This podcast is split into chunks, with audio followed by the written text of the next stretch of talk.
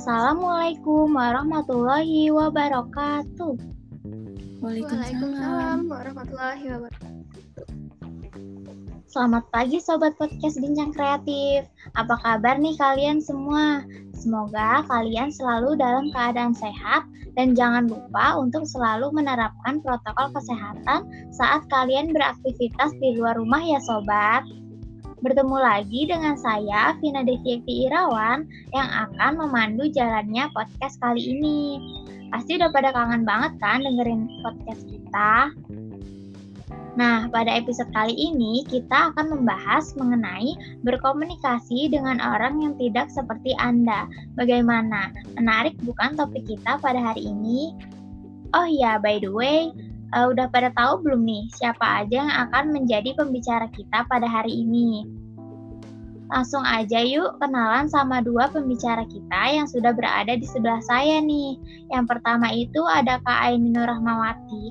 Halo Kak Aini, gimana kabarnya Kak? Halo Vina dan Sobat Podcast Bincang Kreatif. Selamat pagi, Alhamdulillah kabar saya sangat baik sekali. Bagaimana dengan kalian? Semoga kalian selalu diberikan kesehatan ya. Alhamdulillah hari ini Kak Eni bisa hadir di podcast Bincang Kreatif. Selanjutnya, kita akan beralih ke pembicara yang kedua yaitu Kak Vita Safina. Halo Kak Vita, gimana kabarnya nih Kak? Hai Vina, hai juga Sobat Bincang Kreatif.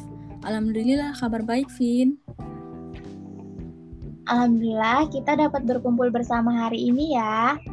Sebelumnya, ada yang tahu nggak ya apa itu pengertian dari komunikasi? Kalau menurut saya sih, komunikasi itu merupakan suatu aktivitas penyampaian informasi, baik itu pesan, ide, dan gagasan dari satu pihak ke pihak lainnya yang dilakukan secara langsung maupun tidak langsung. Untuk lebih lengkapnya akan dijelaskan oleh Kak Aini. Silakan Kak Aini. Terima kasih Vina. Nah, di sini saya akan menjelaskan mengenai komunikasi dan komunikasi organisasi. Nah, komunikasi merupakan penyampaian atau pertukaran pesan atau informasi dari pengirim pesan ke penerima pesan sebagai suatu langkah untuk mengubah perilaku orang yang dituju. Nah, dalam komunikasi ada yang disebut dengan komunikasi organisasi. Apa sih organisasi? Apa sih komunikasi organisasi dan apakah berbeda dengan komunikasi biasa? Nah, komunikasi organisasi ini merupakan proses pengiriman dan penerimaan pesan atau informasi dari pihak pengirim ke pihak penerima dalam suatu organisasi. Perbedaan antara komunikasi dan komunikasi organisasi terletak pada objek yang dituju. Nah, komunikasi lebih ke arah umum, sedangkan komunikasi organisasi lebih terkhusus untuk komunikasi yang terjadi di dalam suatu organisasi. Nah, dalam berkomunikasi, mungkin kita merasa berbicara dengan jelas, tetapi dapat beresiko disalahartikan oleh jenis otak yang lain apabila kita tidak berusaha melakukan pendekatan pada setiap atribut pikiran. Nah, demikian pula apabila kita mendengar orang lain berbicara, kecuali kita memperhatikan profil orang tersebut. Oh, jadi komunikasi organisasi itu merupakan suatu proses pengiriman dan penerimaan pesan atau informasi dari pihak pengirim ke pihak penerima dalam suatu organisasi ya. Dan bedanya dengan komunikasi uh, biasa hanya terletak pada objek yang dituju saja ya kak? Iya betul sekali Vina. Nah, dalam berkomunikasi, kita tentunya harus mendengarkan lawan bicara yang sedang memberikan suatu informasi atau pesan.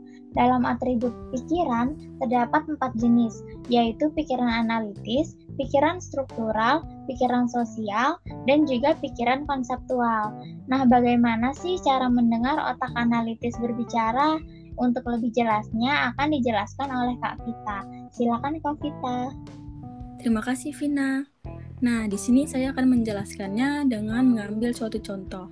Misalnya ada seorang karyawati bernama Melanie yang menjabat sebagai wakil direktur utama pada bidang penanganan langsung pada perusahaan kosmetik secara online. Kemudian, pada suatu waktu uh, terjadi terlambatan pengiriman barang. Seharusnya perusahaan mengirimkan barang maksimal selama 48 jam. Namun, pada saat itu, pengiriman barang melewati 48 jam. Kemudian, Melanie yang memiliki pikiran analitis akan mengatakan, saya paham bahwa efisiensi adalah sebuah faktor, namun apakah ada kaitannya antara pengurangan karyawan di Departemen Penanganan Langsung dan peningkatan jumlah order yang terlambat pengirimannya? Kemudian kita dapat menanggapi pertanyaan Melanie tersebut sesuai dengan preferensi pikiran kita. Bila kita memiliki pikiran analitis, kita akan berpikir, hal itu masuk akal. Mari kita semua cari kemungkinan kelemahan pada sistem ini. Kemudian, bila kita memiliki pikiran struktural, maka akan berpikir, kita telah mengirim 11% pesanan, apakah Melanie memahaminya? Lalu, bila kita memiliki pikiran konseptual, maka akan berpikir, buat apa kita membahas masalah ini? Sudah jelas kita kekurangan karyawan. Dan bila kita memiliki pikiran sosial, maka akan berpikir, dia bersikap seolah aku bodoh. Aku tahu masalahnya tidak serumit itu. Aku telah berbicara pada Valeri di bagian pengiriman, dan dia hanya kewalahan. Kemudian, di saat kita baru teringat bahwa Melanie memiliki preferensi pikiran analitis, terjadi perubahan respon, terjadi perubahan uh, pandangan pada masing-masing preferensi yang berbeda. Kita akan menanggapi pertanyaan Melanie sesuai preferensi pikiran kita. Seperti contohnya, bila kita memiliki pikiran analitis, kita akan berubah pikiran dan akan berpikir menjadi uh, syukurlah ada yang sependapat denganku. Kemudian, bila kita memiliki pikiran struktural, maka kita akan berubah pikiran juga menjadi, meski Melanie menyebut perhitungannya, aku yakin dia tahu jangkauan masalah ini. Lalu, bila kita memiliki pikiran konseptual, maka akan berubah pikiran menjadi, aku mengerti Melanie harus menjalani proses ini untuk mencari solusi. Dan bila kita memiliki pikiran sosial, maka kita akan berubah pikiran menjadi, Melanie tidak bermaksud bersikap selugas itu, Caranya mencari solusi adalah mempertimbangkan semua aspek masalah ini.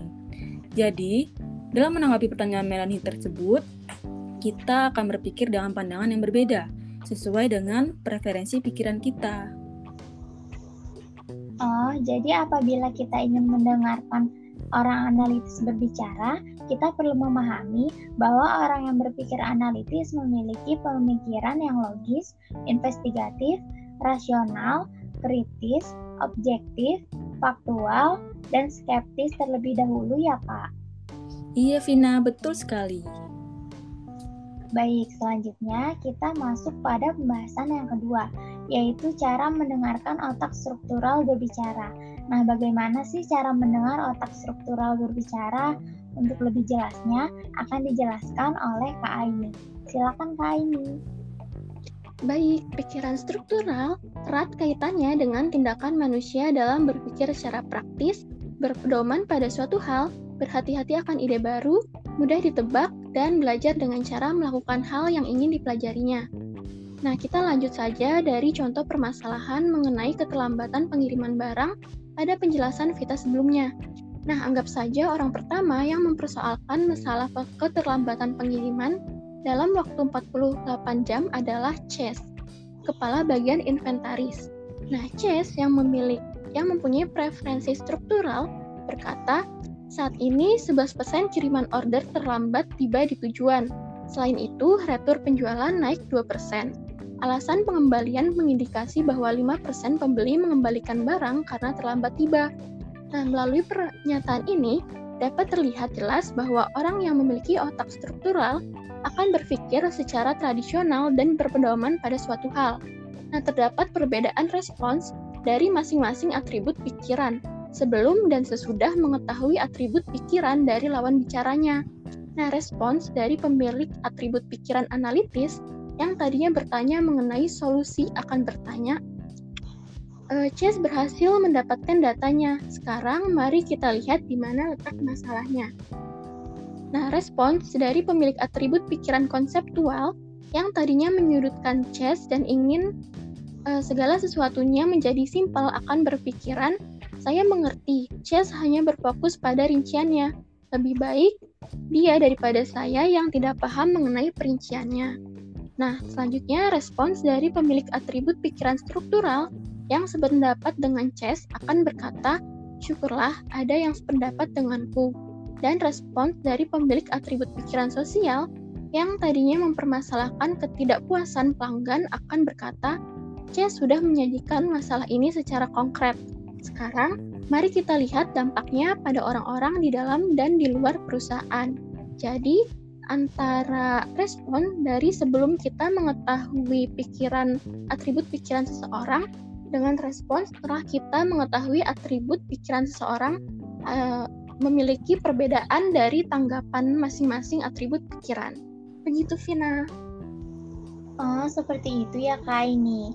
Jadi, berdasarkan ilustrasi yang Kak ini berikan, dapat diketahui bahwa orang dengan preferensi pemikiran struktural dianggap disiplin, terorganisir, dan tradisional. Mereka menyukai pedoman dan belajar sambil melakukan hal yang dipelajarinya dalam mendengarkan otak struktural berbicara, diperlukan pemahaman mengenai rincian, prosedur, atau pedoman dari permasalahan yang dihadapi ya Kak. Iya Vina, betul sekali. Baik, selanjutnya kita akan masuk pada pembahasan yang ketiga, yaitu cara mendengarkan otak sosial berbicara. Nah, bagaimana sih cara mendengar otak sosial berbicara? Untuk lebih jelasnya, akan dijelaskan oleh Kak Vita. Silakan Kak Vita. Baik, eh, selanjutnya dari penjelasan sebelumnya, misalnya pada hal ini yang mempermasalahkan keterlambatan pengiriman barang adalah Florence sebagai kepala bagian HRD yang memiliki preferensi pikiran sosial. Seperti yang kita ketahui, orang dengan pikiran sosial erat kaitannya dengan rasa kemanusiaan, rasa empati, simpati, dan hubungannya dengan orang lain. Dalam menanggapi masalah keterlambatan pengiriman barang, Florence akan berpikir, kemarin saya berbicara dengan Valerie mengenai pengiriman, dan tampaknya ia kewalahan. Valerie mengatakan mereka tidak dapat menangani pengiriman order sesuai permintaan, dan banyak order yang terlambat dikirim apakah kita bisa membantunya? Kemudian, tanggapan orang sesuai dengan preferensi pikirannya akan berbeda dalam menanggapi pertanyaan Florence tersebut. Misalnya, orang dengan memiliki pikiran analitis yang tadinya menyudutkan Florence bahwa baru saja mempekerjakan lima karyawan baru, maka saat dia teringat bahwa Florence memiliki pikiran sosial, akan berubah pikiran menjadi Florence bekerja dengan baik dalam hal pengawasan karyawan. Kemudian, Orang yang memiliki pikiran struktural yang tadinya menganggap bahwa Valerie hanya bisa mengeluh dan dirinya ingin melihat perhitungan sebenarnya, saat dia baru teringat bahwa Florence berpikiran sosial, maka dia akan berubah pikiran menjadi syukurlah ada sependapat denganku. Lalu, orang berpikiran konseptual yang tadinya memikirkan hal kreatif dalam lingkungan departemen pengiriman, saat dia baru teringat bahwa Florence berpikiran sosial, maka akan berubah pikiran menjadi Mungkin semua orang di, di departemen pengiriman akan tidak terlalu stres jika bisa mendengarkan musik favorit mereka. Dan orang yang berpikiran sosial, yang tadinya hendak memberikan bantuan kepada Valerie, dan saat dirinya baru teringat bahwa Florence berupa berpikiran sosial, maka dia akan berubah pikiran menjadi syukurlah ada sependapat denganku. Jadi, dalam hal ini, Tanggapan Florence yang memiliki preferensi pikiran sosial sangat menjunjung tinggi rasa empati dan kemanusiaan. Hal tersebut terlihat pada responsnya yang meminta karyawan lain untuk membantu Valerie yang kewalahan menangani keterlambatan pengiriman barang. Seperti itu, Vina. Oh, seperti itu ya, Kak Vita. Jadi, berdasarkan ilustrasi yang Kak Vita berikan, dapat dilihat bahwa orang dengan pikiran sosial sangat mengutamakan rasa kemanusiaan dan sosial terhadap orang lain ya. Selain itu, uh, ilustrasi tersebut sesuai dengan ciri orang yang berpikiran sosial, yaitu bersimpatik, menjaga hubungan yang baik dengan orang lain agar tidak terjadi suatu konflik, memiliki kepedulian dengan orang lain, serta intuitif tentang orang lain. Begitu ya Kak Vita? Iya Vina, betul sekali. Baik, selanjutnya kita akan masuk pada pembahasan yang keempat, yaitu cara mendengarkan otak konseptual berbicara.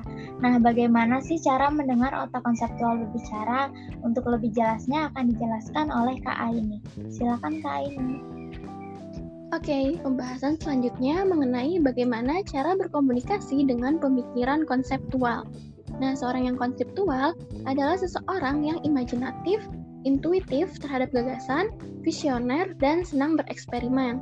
Masih mengenai pembahasan terkait pengiriman 48 jam yang terlambat, Brandon yang merupakan CEO perusahaan yang memiliki preferensi konseptual dalam menanggapi permasalahan tersebut akan berkata, sebagaimana telah diketahui, kita adalah perusahaan kosmetik.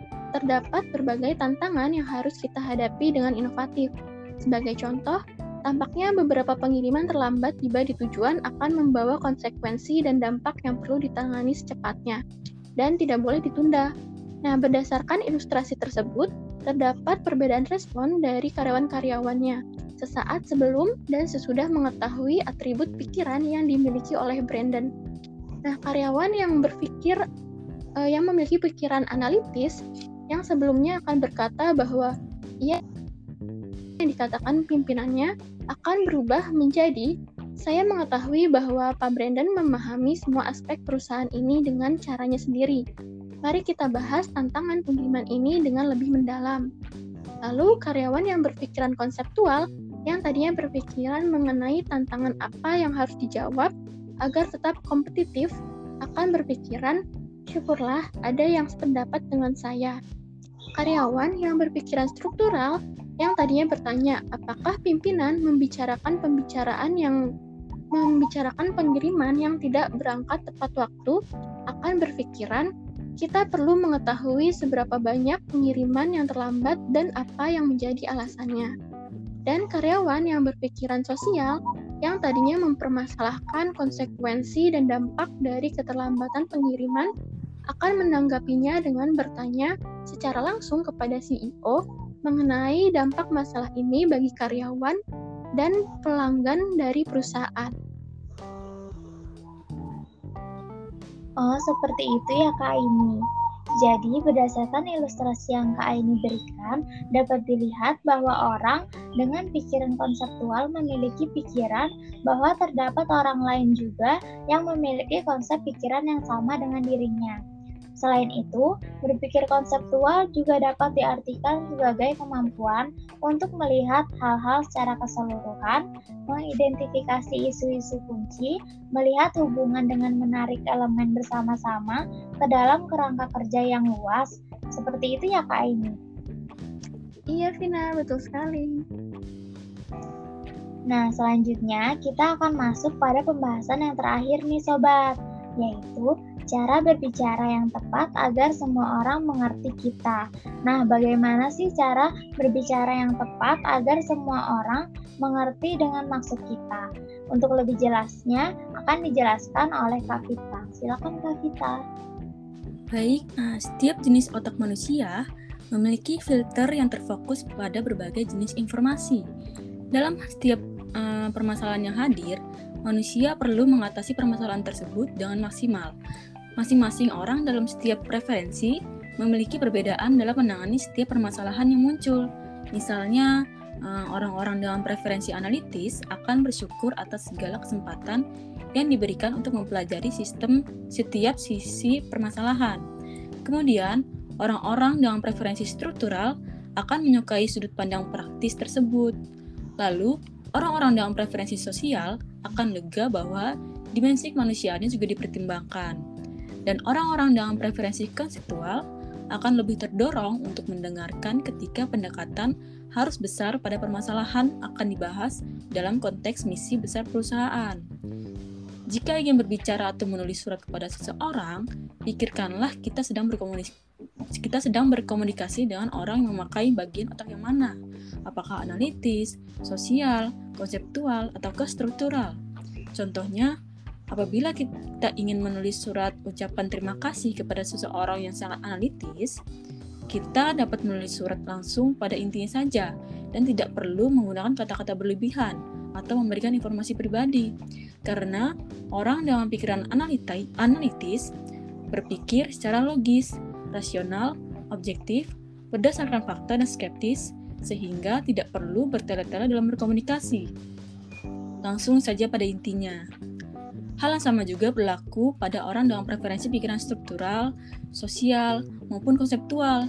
Bila kita ingin berbicara kepada mereka, harus terlebih dahulu mengetahui lawan bicara kita menggunakan preferensi pikiran yang mana, sehingga pesan atau informasi yang kita sampaikan dapat dengan mudah dimengerti oleh lawan bicara kita.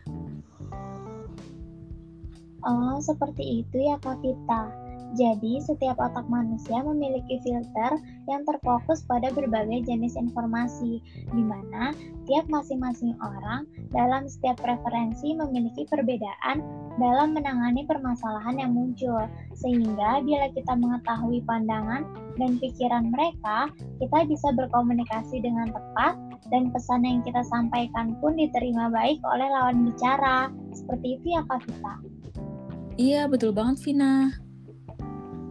Wah, tidak terasa ya keseruan kita membahas mengenai bagaimana berkomunikasi dengan orang yang tidak seperti Anda akan berakhir. Sebelum menutup podcast kali ini, saya akan memberikan kesimpulan. Jadi, kesimpulan pada episode hari ini adalah untuk dapat menjalin hubungan yang baik dan melakukan pendekatan dengan orang lain, memahami atribut pikiran orang yang akan kita ajak berbicara sangatlah penting. Dengan memahami cara berpikir orang lain, kita akan mengetahui bagaimana cara pandang orang tersebut dalam mengatasi suatu permasalahan.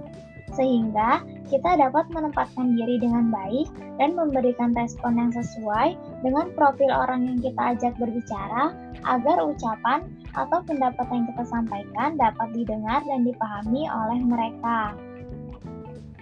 Kini kita telah sampai pada penghujung acara podcast Bincang Kreatif. Terima kasih banyak untuk kedua pembicara kita yang sangat hebat, menginspirasi, dan juga telah memberikan ilmu kepada kita, yaitu Kak Aini dan juga Kak Vita. Serta terima kasih kepada Sobat Bincang Kreatif yang telah mendengarkan podcast Bincang Kreatif. Cukup sekian untuk podcast episode kali ini. Nantikan podcast-podcast yang menarik di episode selanjutnya. Saya selaku moderator, pamit undur diri. Terima kasih Sobat Bincang Kreatif. Sampai jumpa kembali. Wassalamualaikum warahmatullahi wabarakatuh. Waalaikumsalam, warahmatullahi, wabarakatuh. Bye-bye.